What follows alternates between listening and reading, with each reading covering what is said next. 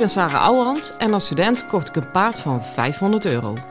Toen hij 22 was, startte ik hem Grand Prix. Hij had nog nooit aan de teugel gelopen, dus het ging allemaal niet vanzelf.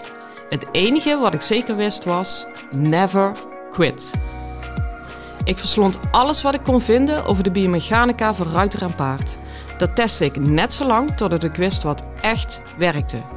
In deze podcast leer ik jou alles over je rijtechniek, je houding en zit en je mindset.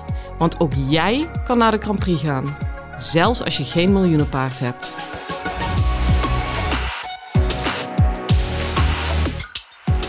Hey, lieve paardenmensen. Goed, jongens. Uh, ik zit lekker in mijn uh, praktijk hier. Nou ja, lekker, lekker, lekker. Uh, wat ik heb gemerkt de afgelopen dagen is dat je van heel veel goede dingen ook helemaal, zoals ze dat in Brabant zeggen, kijk, kapot kan raken. En daar ben ik nou ook wel. Ehm, ja, ik heb in 24 uur uh, tijdsbestek iets te veel shotjes gekregen, waardoor mijn energie echt sky high ging. Uh, nou, ik zal er even eentje uitlichten. Ik werd gisteren gebeld door Horse Event. Dat ze een, uh, ik wou bijna de naam van een collega noemen, dat zal ik dan even niet doen. een uitvaller hadden. En of ik ad hoc in wilde springen om een demo te geven in de instructiepiste is natuurlijk echt gewoon helemaal super joepie de bom. Uh, maar dat betekende ook dat ik als een meloot combinaties moest gaan regelen, als een meloot mijn assistent moest optrommelen en als een meloot het programma in elkaar moest draaien. De marketing even door, even door moest sturen. Uh, mijn eigen marketing eromheen moest doen, is allemaal natuurlijk super sumier geweest. En um, ja, nog los van dat je überhaupt daar een energieshot van krijgt. Uh, ja, het, het, is wel heel leuk. En misschien verbaast het je dat ik daar nog niet heb gestaan. Althans, er zijn meerdere mensen die me hebben getipt van... joh, waarom ben jij daar niet? Uh, omdat ik tot nu toe altijd heb gehad... en ik hoop echt van harte dat dit niet wordt gezien als misplaatste arrogantie... want dat is het echt niet. Maar ik heb bij Horse Event altijd... Uh, heel sterk het gevoel gehad van als, als ik daar kom, dan wil ik dat zij mij vragen en niet dat ik voor mezelf aan de lobby ga. Uh, dat doe ik puur intuïtief. En uh, ik ben ook helemaal niet bang om wel een keer voor mezelf te lobbyen. Of andersom mijn plek te kennen of wat dan ook. Maar dat was eigenlijk een beetje hetzelfde als bij de KNS. Daar heb ik ook heel lang iets mee willen doen. Totdat ik, ja, maar zij moeten mij vragen. En toen zat ik uh, gisteravond te denken van, ja, waarom is het dan? Want arrogantie is het niet, maar wat is het dan wel? Uh, omdat ik uh, eigenlijk, nou wil ik te veel zeggen in één keer, daar krijg ik altijd opstopping van, sorry. Kijk, als ik me voor mezelf in de lobby ga, dan is dat toch een beetje vanuit de gedachte, ik praat voor mezelf. Hè? Ja, eigenlijk hoor ik hier niet, of er is eigenlijk geen plek, maar ik ga me maar even naar binnen wurmen. En dan ben ik er. Het is een stukje op bluff, stukje op ego, terwijl ik ego helemaal geen scheldwoord vind, maar ja, voel je hem? Terwijl als zij mij vragen, dan is dat een uh, bevestiging, een bestendiging van ja, wat ik heb bereikt. Dan is dat gewoon een stempel op je stempelkaart en dan klopt dat. Dan is het voor mij veel congruenter. En daarom heb ik altijd gewacht zonder dat ik onder de grond heb geleefd natuurlijk. Uh, ja, superleuk dat ze dan nu uh, eergisteren belden. En nog leuker dat ik al uh, op het programma stond voor volgend jaar. In ieder geval om uitgenodigd te worden. En ze zijn die mensen echt gaan bekijken van ja, wie willen we volgend jaar sowieso erbij hebben. Nou, daar was ik bij en daarom hebben ze mij wel van ja, volgend jaar ben je welkom, maar wil je nu misschien invallen? Ik zeg nou jongens, ik ben er. Nou, ik heb op deze manier uh, met dit soort zelden pieken, zo niet nog hoger, nog vier of vijf dingen gehad in 24 uur. Ik dacht echt van, uh, wat voor een hysterie hangt er om ons huis heen, ik weet het ook niet. Ik ga je daar allemaal niet mee vermoeien. Dat gaat een beetje druppelsgewijs in deze podcast naar voren komen. Uh, want het wordt echt één grote Sarah-show. En ik word al moe van mezelf als ik het zeg. Laat staan jij. Dus ik wil lekker overschakelen op de inhoud. En de rest hou ik nog even lekker voor mezelf. Dus ook wel weer leuk, hè? Hebben we nog wat te goed. En de inhoud is halt houden. Echt goed halt houden met je paard. En dan is mijn eerste vraag, uh, doe je dat wel eens? Nou, ik ben benieuwd hoor. Ik moet niet te veel voor anderen invullen, maar ik vraag het me af. Uh, ik ben een behoorlijke secure ruiter. Ik pak ook alle kutklusjes aan als ik rij. Maar dat, daar verzaak ik ook met enige regelmaat in. En ik ken mijn manco's, maar hierover durf ik wel te zeggen, nou, als ik hierin verzaak, dan zal het gros het wel doen. Uh, terwijl het eigenlijk, dus het is meteen ook een wake-up call voor mezelf, heel erg zonde is, want het is een knetter goede oefening. Uh, en vergis je niet wat het van een paard vraagt om goed halt te houden. En dan heb ik het over correct op vier benen, gedragen in de rug. Ja, dat is echt een serieuze belasting zonder dat je een stap naar voren zet. Misschien soms vaak nog zwaarder dan juist wel naar voren. Mits correct gehaald houden, hè? daar gaan we dus vandaag op in. Um, want als je gewoon met een lang teugeltje met de buurman staat te hoer en je paard hangt uh, overal uit het front, zeg maar, en aan de zijkanten weet ik veel waar die al zijn ledematen uh, neerhangt en zijn rug is een hangmat. Dat is geen training. Nou kan dat heus wel een keer, zeker als die gewoon goed is in zijn lijf. Maar over dat halt houden heb ik, het, heb ik het dus niet, maar dat snap je, hè? Het echte actieve halt houden, ja, bij die van mij komt er zoveel druk dan uh, op de gewrichten. Uh, dat die soms er zelfs een beetje van omhoog komt. In ieder geval niet stil blijft staan. In ieder geval één poot buiten de massa zet. Of een pasje vooruit of een pasje achteruit. Tot jarenlange frustratie aan toe. Want ik denk, oh, daar gaat hij weer. Um, maar als ik die frustratie even parkeer, want het is ook gewoon zijn drammerigheid hoor. Dat is mijn irritatie. En niet dat hij het moeilijk vindt, want dat zou ik nooit erg vinden. Goed, even terug naar de inhoud. Als ik die even parkeer, de irritatie daarover, zo gek dat hij niet fijn, lang, stevig stilstaat, is het niet. Um, ik heb dat wel eens vaker gezegd, ook over staptrainingen. Die zijn zwaarder voor de paardenrug dan draf en galop. Waarom? En halt houden is nog zwaarder. Waarom? Daar zit geen zweefmoment in. En dat zweefmoment, daar zit je even. Uh, kijk, de, het moment van afdrukken is al wat zwaarder in de benen. Denk aan een trampoline. Het moment dat je zwaar op die trampoline komt en je duwt jezelf ver omhoog, ja, dat vraagt wel wat meer van je uh, benen en indirect ook van je bekkenbodem. Maar eenmaal in de lucht kan je je hele lichaam loshouden. Ik mag hopen dat er, ja, er zal weinig mensen zijn die daar nog spierkracht voor nodig hebben, want je wordt gewoon, ja, die taak heb jij al verbracht. Dus daarna gewoon meeliften op de afdruk, snap je? Of het nou grote of kleine afdruk is. Nou, in het stap, in het halt houden heb je dat niet. Dat betekent dus dat je nergens even die release hebt van na die afdruk. Dat je even omhoog wordt geschoten, zeg maar. Uh, dus je moet continu zeer actief je rug en middenhand liften als paard zijnde.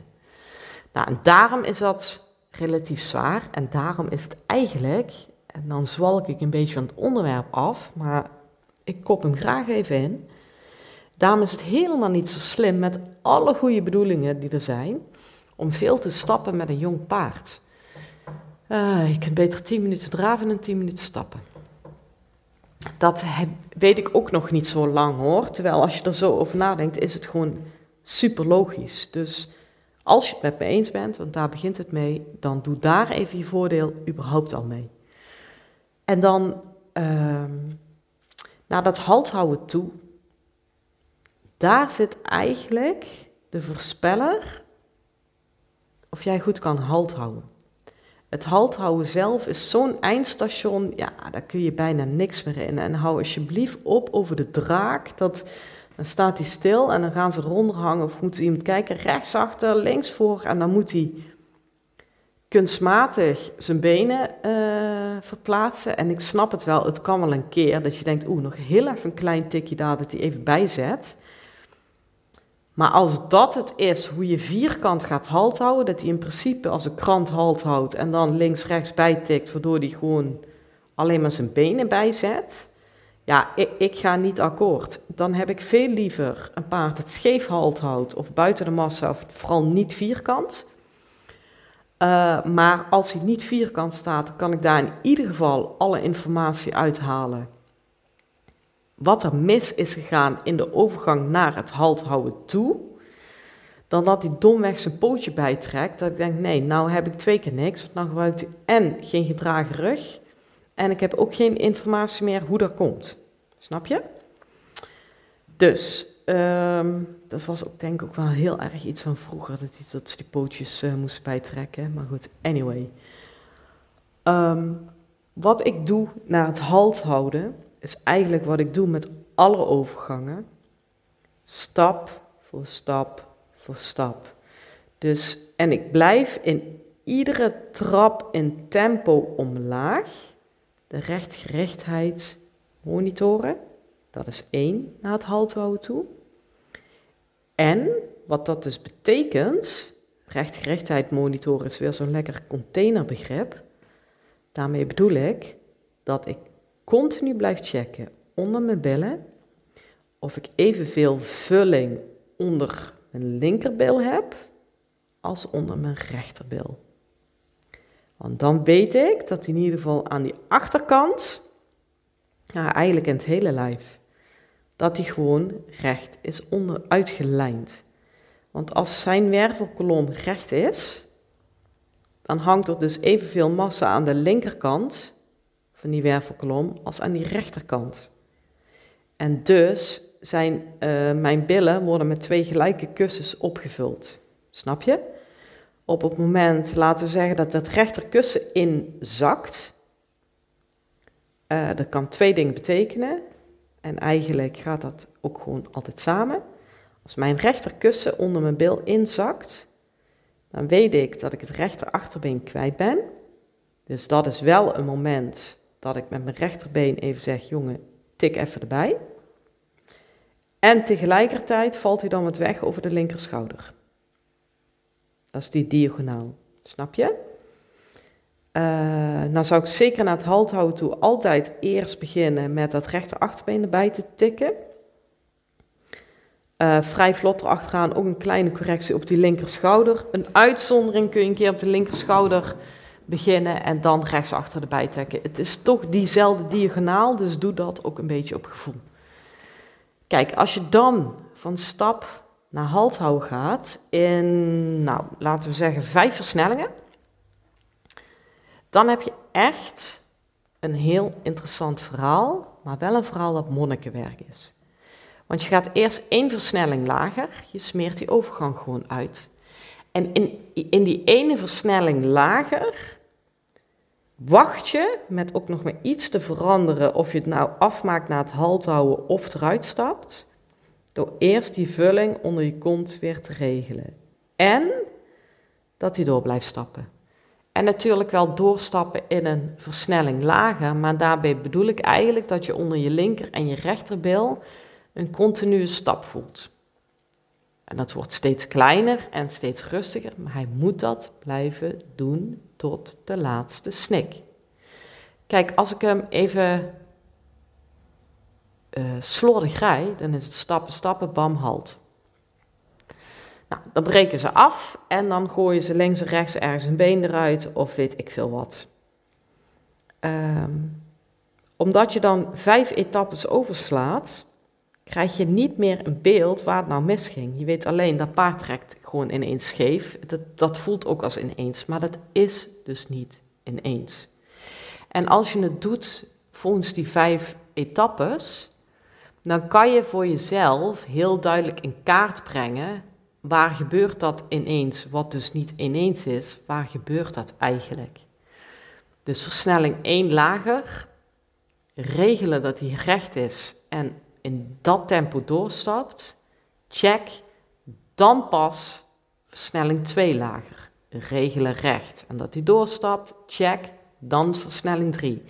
En dan komt het interessantste punt, dan kom je uiteindelijk uit op uh, het bijna halt houden. Dus echt dat aller, aller, allerlaatste randje dat je denkt, als ik nou nog één keer met mijn ogen knipper, dan staat hij stil. Daar moet je zijn. Daar zit de meest waardevolle informatie die je kan hebben. Wat zit daar namelijk? Daar zit, dan moet je zich al heel erg in balans gaan houden. En daar zit, blijf je werkelijk aangespannen en gedragen in je rug.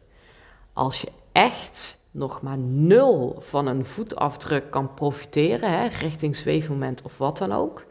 Je snapt nu dat dat zwaarder is. Dat krijg ik in beeld, van wat blijft hij doen met zijn rug als, als ik het hem daarin moeilijk maak.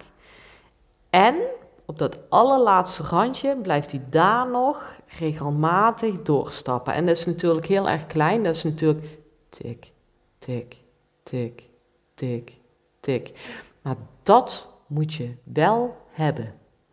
En als je dat op het allerlaatste moment uh, voor elkaar hebt, en ik zou bijna willen zeggen, en dan zucht je een keer, maar nou, laten we zeggen, je geeft een heel mini friemeltje ophouding van sta nu maar stil, dan kan die niet, niet recht stilstaan. Snap je? Want je, je was daar al een, een uh, knippering van je oog voor, dus dat, dat verschil is zo groot. Als je het doet gewoon vanuit een ruime stap en je zet hem dan boem halt, um, dat vraagt dus dat jij en je paard het vermogen hebben om die vijf etappes uh, echt helemaal te comprimeren tot één stap. En dat je het in een split second al naar recht kan breien en door kan laten lopen en aan kan laten sluiten. Nou, als ik het zo zeg, dan begrijp je waarom veel ruiters daar moeite mee hebben. Um, ja, ik zit even te denken, hoe zit dat in de Grand Prix? Want daar, ja, daar zit ook echt nog, in het tournament in de Grand Prix zit het halthouden nog. Kun je nagaan. Uh, en niet alleen op de AC-lijn. Maar goed halthouden is een Grand Prix oefening. En waarom durf ik dat zo keihard te zeggen? Omdat ik weet wat het vraagt van een paardenlijf. Ze moeten er juist heel goed voor getraind zijn om dat goed te kunnen. Daarbij dat randje voor het halt houden, dat je echt denkt, als ik nou nog een keer met mijn ogen knipper, dan staat hij stil. Dat is exact hetzelfde randje als dat je denkt, als ik nou een heel klein jetsertje met mijn been geef, dan pieveert hij. Want hij moet zo ver terug naar achter toe opgerold kunnen zijn en uh, pak me niet op mijn woorden, maar oprollen in de goede zin des woords. In de aanspanning komen. Ehm, en toch kunnen blijven lopen. En dat bijna op de plaats kunnen doen. En dat is Piaf. En dan snap ik ook wel dat als jij zo minuscuul voor dat randje van het halt houden bent, dat een voorbijganger nog echt nog niet denkt, oh, die is een piaferen. Maar ik weet dat dit de voorloper is van Piaf. En misschien ga je nooit piaferen, maar dat argument wil ik niet horen. Want je moet altijd rijden alsof je ooit Grand Prix gaat rijden. En niet omdat ik vind dat iedereen die Grand Prix moet ambiëren, dat is heel persoonlijk, maar wel omdat als je rijdt alsof je ooit Grand Prix gaat rijden, dan pak je dit halt houden dus op deze manier zo goed aan. Dus het komt ten gunste van alle oefeningen die je rijdt, ook al worden het alleen maar B-oefeningen. Snap je? Podcast 6 is dat. Die heet Waarom moet je altijd rijden alsof je in de Grand Prix terechtkomt? En daar heb ik dit stukje ook al een beetje in uitgelegd. Ehm, ja, weet je, en dan als hij dan op dat aller, allerlaatste stukje dat ik zeg, nou knip er nou maar een keer met je ogen en dan staat hij stil. Als hij dan toch nog een beetje scheef valt of iets, iets, iets doet, ja, dan ben ik totaal oké met van, ja, geef me even correctie of tik me even iets bij of wat dan ook. Uh, maar dan is dat ook gewoon uh, de eindafronding, maar niet lomp weg zorgen dat vier poten naast elkaar staan. Snap je? Want dat, dat komt vanuit de wervelkolom. Ja, sorry, zoals je merkt zit hier een klein tikkie frustratie. Als ik ze altijd zie kloten, dat ik denk, oh jongens, toch, houd toch op. Um, vierkant halt houden komt vanuit de rug, punt. Het is geen kunstje in de benen. Nou, dit lijkt me uh, eigenlijk, speaking of it, ik denk dat ik deze sowieso al uh, meeneem naar horse events. Um, ja, het is jammer dat het zo kort dag is, anders zou ik zorgen dat de hoefslag dat zou filmen voor me. Heel misschien lukt dat. Uh, nou, anders uh, hoop ik tegen de tijd dat deze podcast gepubliceerd is, dat ik je op Horse Event heb gezien. Uh, en ik dank je nu voor het luisteren. Ik wens je een hele fijne dag en veel plezier met je paard. Hoi! Lieve ruiters, dit was hem weer voor vandaag. Waardeer je mijn tips? Geef me sterren op Spotify en iTunes. Dat voelt voor mij als een dankjewel. En geef je paard een knuffel van me.